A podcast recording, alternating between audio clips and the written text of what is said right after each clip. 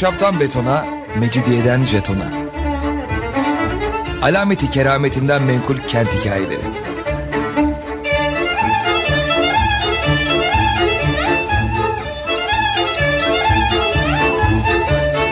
Hazırlayan ve sunan Pınar Erkan.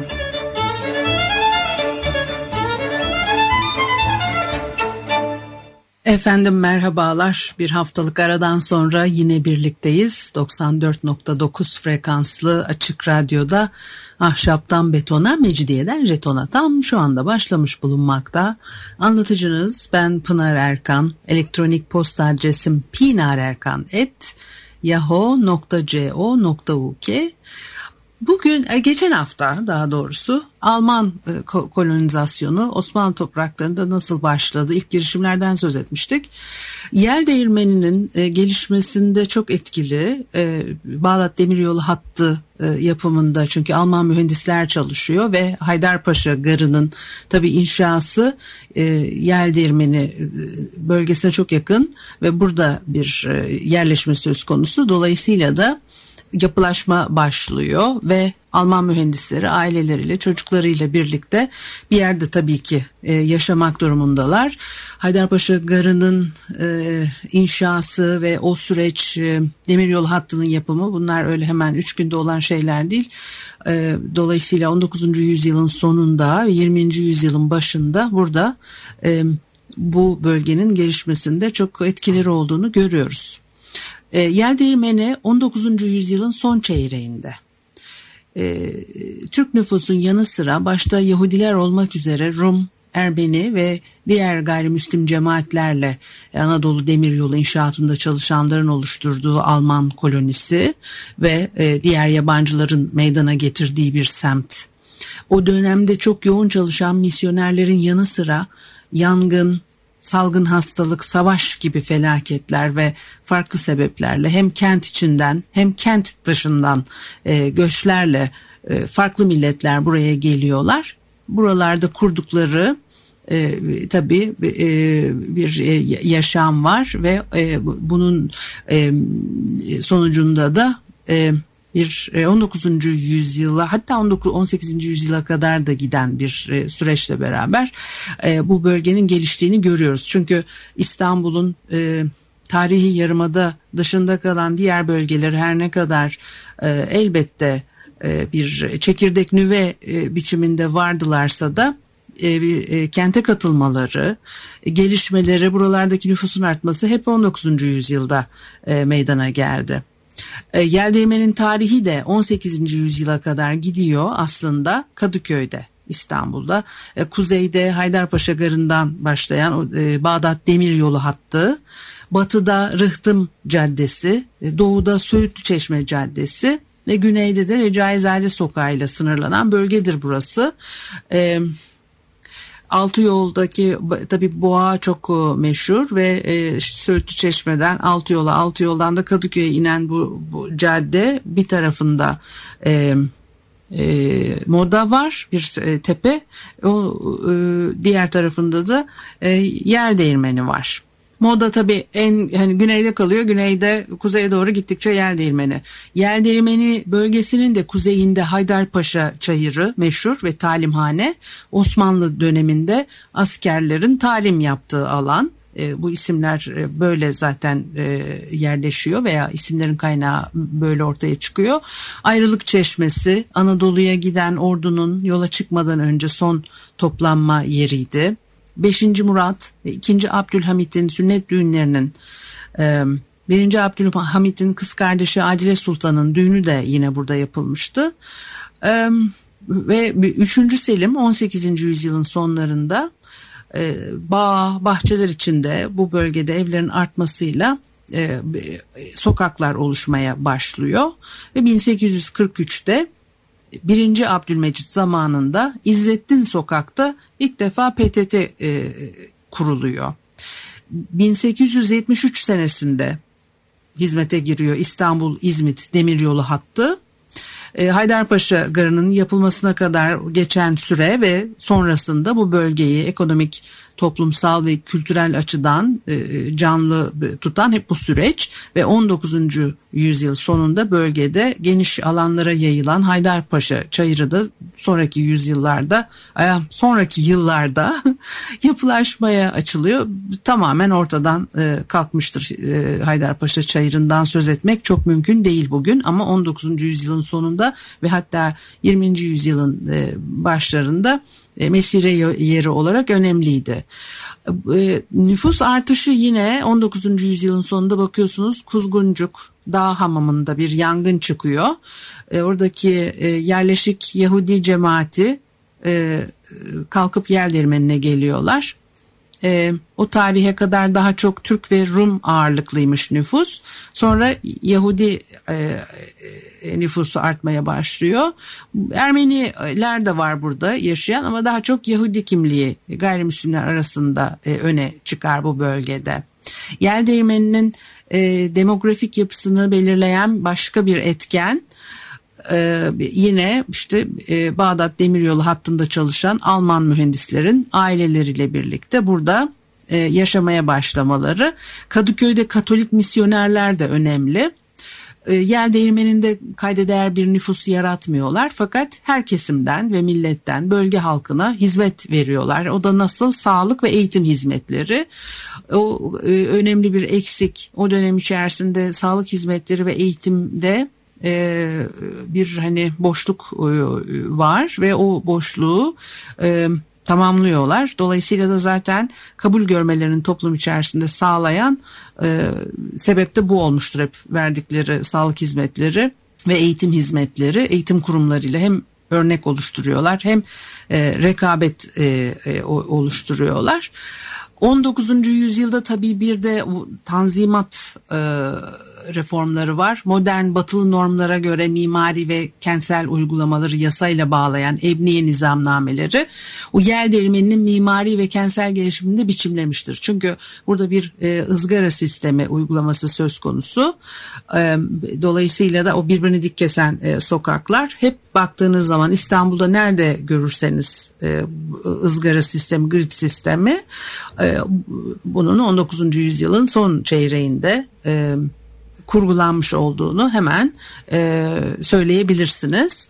Ve tabii bu da bir hani o dönemde bir batılı norm olarak karşımıza çıkıyor. Çağdaş e, şehir e, yapılanması, e, tanzimatla beraber meydana gelen o yasalarla tanınan haklar ve tabii batıyla bir kültürel e, ilişki içerisinde hem ticari ilişkileri kuruyor gayrimüslimler bir o kültürel e, ilişkide söz konusu elbette doğal olarak ve e, bu da bir e, kimlik e, unsuru olarak e, karşımıza çıkar.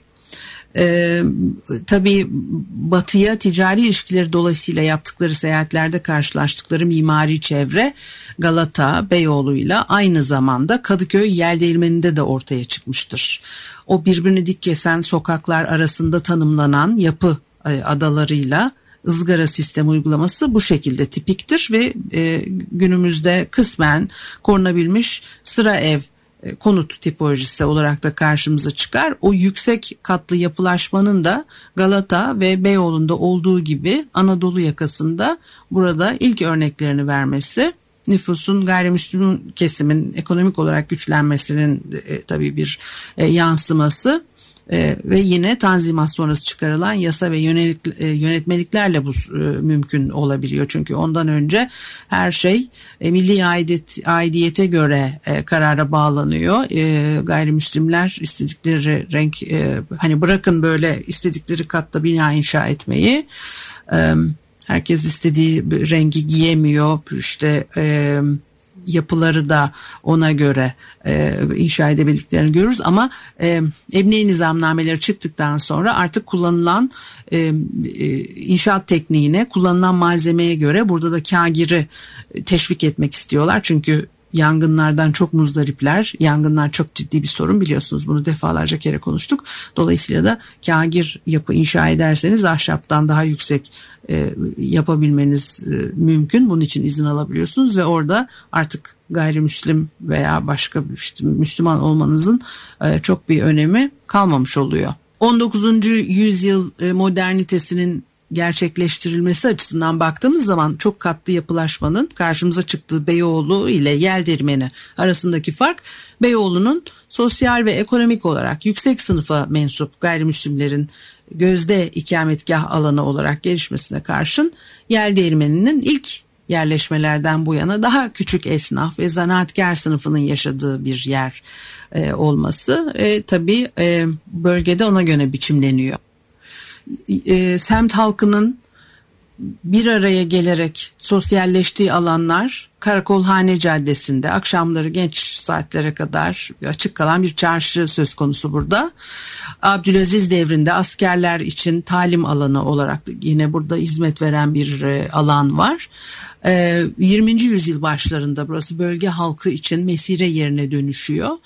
Ee, Kadıköy Gazi Mustafa Kemal İlköğretim Okulu'nun ve yanındaki meydan çeşmesinin bulunduğu bölge talimhane. Mısırlıoğlu bahçesi var burada. Tabii biz Yeldemir'den ilk defa konuşmuyoruz. Daha önceki programlarda da söz etmiştik. Bayram Yeri, Paşa Çayırı adlarıyla bilinen açık sinema, tiyatro, bahçe, mesire alanı olarak çok lu işlev gören e, yerler buraları. Haydarpaşa Çayırı otlak olarak kullanılırken daha eski zamanlarda Birinci Dünya Savaşı'ndan sonra mesire alanı olarak e, ün kazanıyor. Örneğin Yahudiler Pesah bayramını burada kutluyorlar. Cumartesi günleri ibadet çıkışlarında piknik yapmaya geliyorlar. E, mütareke yıllarında bölge halkından oluşan bir seyirci söz konusu İngilizler burada hokey oynuyorlarmış. Bu alanlar zaman içinde yapılan inşaatlarla e, açık alan mesire yeri olma özelliğini tabii kaybediyor. Bir müzik arası verelim ondan sonra devam edelim. Efendim Açık Radyo'da ahşaptan betona, mecidiyeden jetona e, devam ediyor. Haliyle Pınar Erkan'ı dinlemektesiniz. Yel değirmeni e, e, semtinin nasıl oluştuğunu, geliştiğini e, konuşuyorduk.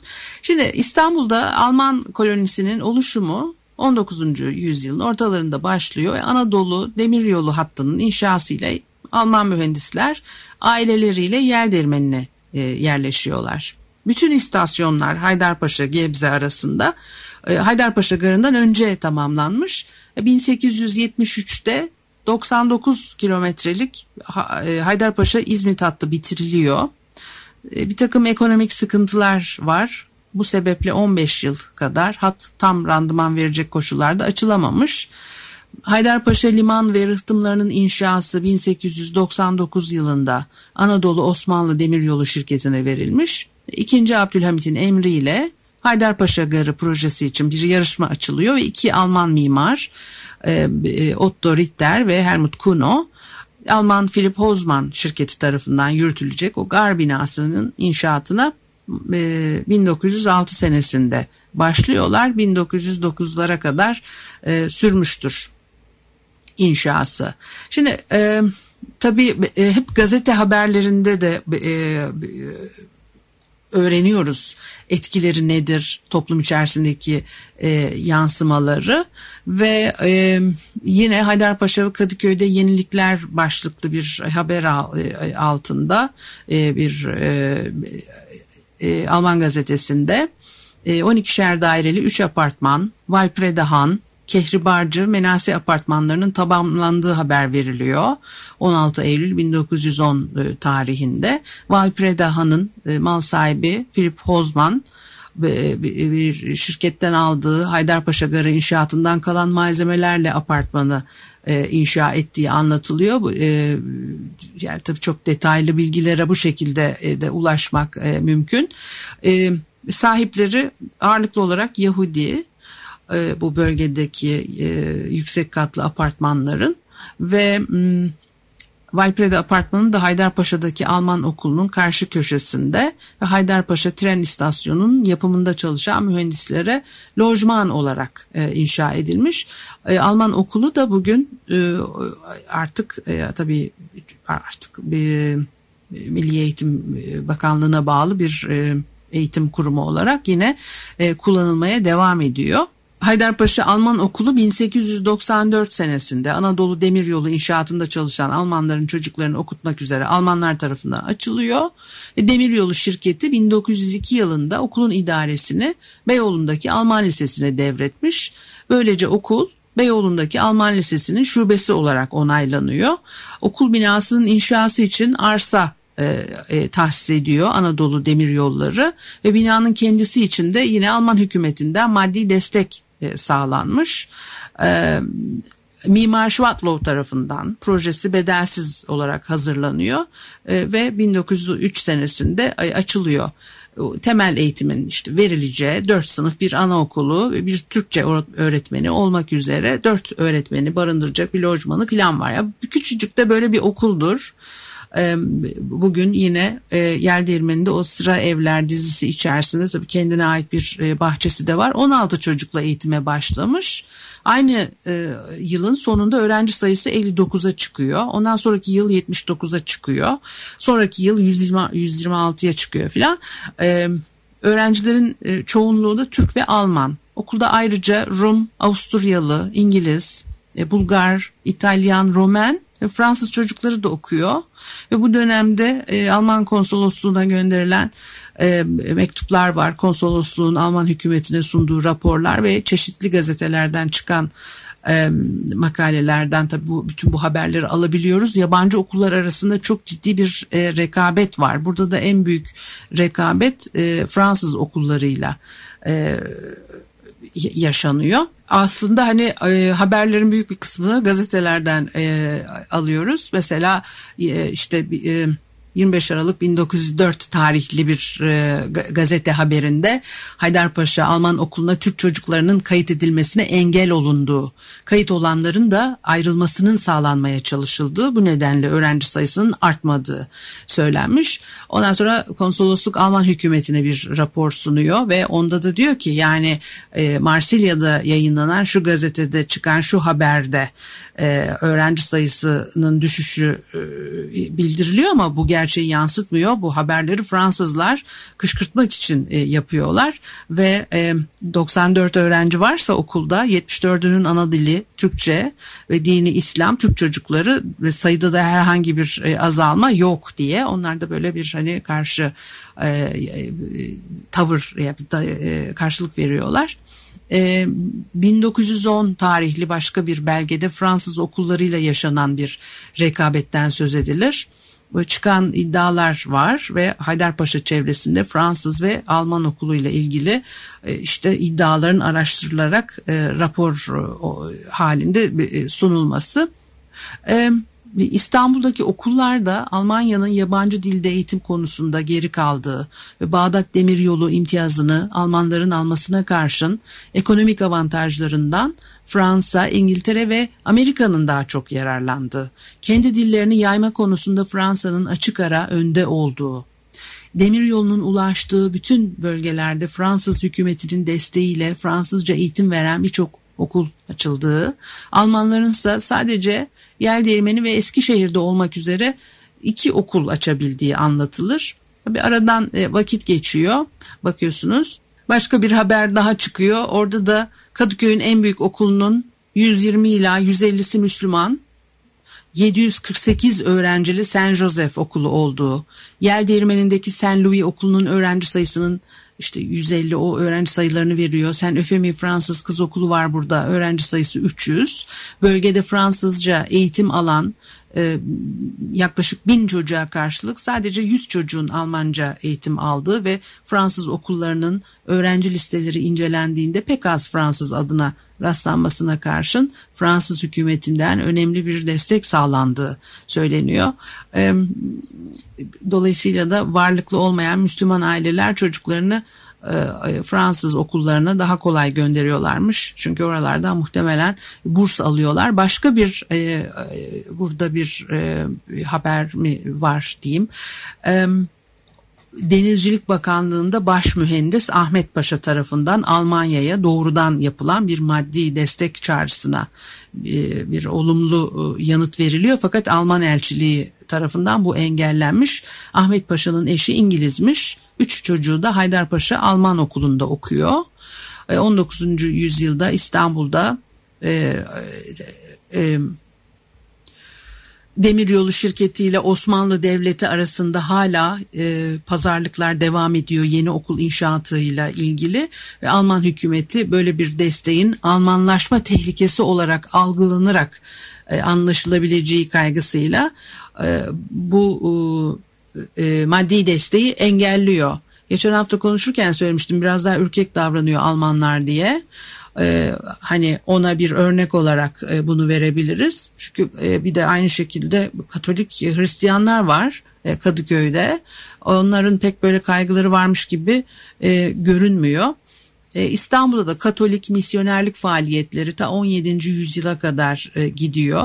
Bu ticari kapitülasyonlar tanındı yabancı devletlere. Tanzimat döneminde e, bir hani genişleyen din ve ibadet özgürlüğü ortamı söz konusu denebilir. Gayrimüslimlerin Tanzimat reformlarıyla kavuştukları haklarıyla birlikte e, Hristiyan kiliseleri, Hristiyan olmayan ülkelerde o dini yaymak için e, tabii misyonerleri görevlendiriyorlar. Eğitim, sağlık ve e, toplumsal yardım alanlarında çalışıyorlar. Böyle e, kendilerini e, kabul ettirebiliyorlar toplum içerisinde ve de okullar kuruyorlar. O okullarda da öncelikli olarak fakir ve kimsesiz çocukları himaye ederek eğitiyorlar. E, verdikleri eğitimin kalitesi arttıkça öğrenci profilde değişiyor. Bu okullar gelir düzeyleri daha yüksek aileler tarafından tercih edilir hale geliyor. Kadıköy Yel Değirmeni'nde de çok sayıda e, Fransız okulu var. Saint Louis var. Öğrenci yetiştiriyor Saint Josephe. Saint Eufemie Fransız Kız Lisesi var. Bilen e, dolayısıyla hani onların da İstanbul'a gelip de kabul görmeleri o kadar kolay olmamıştı. Önce Kumkapı'ya geliyorlar. Hatta önce Kadıköy'e gel- geliyorlar. Kabul görmüyorlar. Geri gidiyorlar. Kumkapı'ya bir daha geliyorlar. Aradan birkaç yıl geçiyor. Sonra Fenerbahçe'de bir e, yer ediniyorlar. Ve öylece Kadıköy'de, Moda'da ve e, Yel Değirmeni'nde de e, e, kendi binalarını inşa ediyorlar ama tabii başta işe öyle başlamamışlardı. Şimdi burada gördüğümüz şey tabii... E, yani bir Türklerden de e, ara ara e, destek alıyorlar. Ve o Katolik misyonerler açtıkları okullarda verdikleri eğitim, yangın gibi felaketlere karşın çok kısa sürelerde yapılarını onarıyorlar, yeniden inşa ediyorlar. Kurum binalarıyla Yel Değirmeni semtinin e, kentsel biçimlenmesine örnek olmuşlardır. Nüfus olarak çok sayıda olmasalar bile.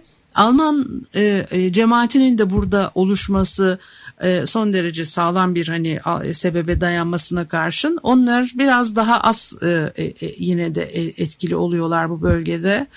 Ermeniler ve Rumlar daha çok e, moda tarafında. Orada İngilizler de çok. Gerçekten hani birbirine çok yakın olan iki bölge. Bir tarafta moda var bir tarafta yel değirmeni daha çok Fransızlar Almanlar ve diğer e, bizim e, memleketimizin e, gayrimüslim e, cemaatleri yaşarken bakıyorsunuz e, çok yakınında 15-20 dakika mesafedeki modada İngilizlerin daha ağırlıkta olduğu Fransızlarla beraber başka bir e, yapılanma e, karşımıza çıkıyor. Süremiz bitti galiba. Bu haftalık da bu kadar olsun. Haftaya görüşene kadar hoşçakalın.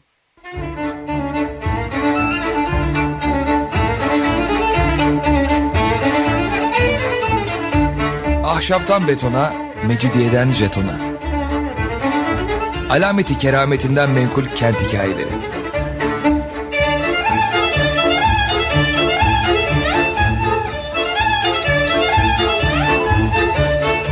Hazırlayan ve sunan Pınar Erkan.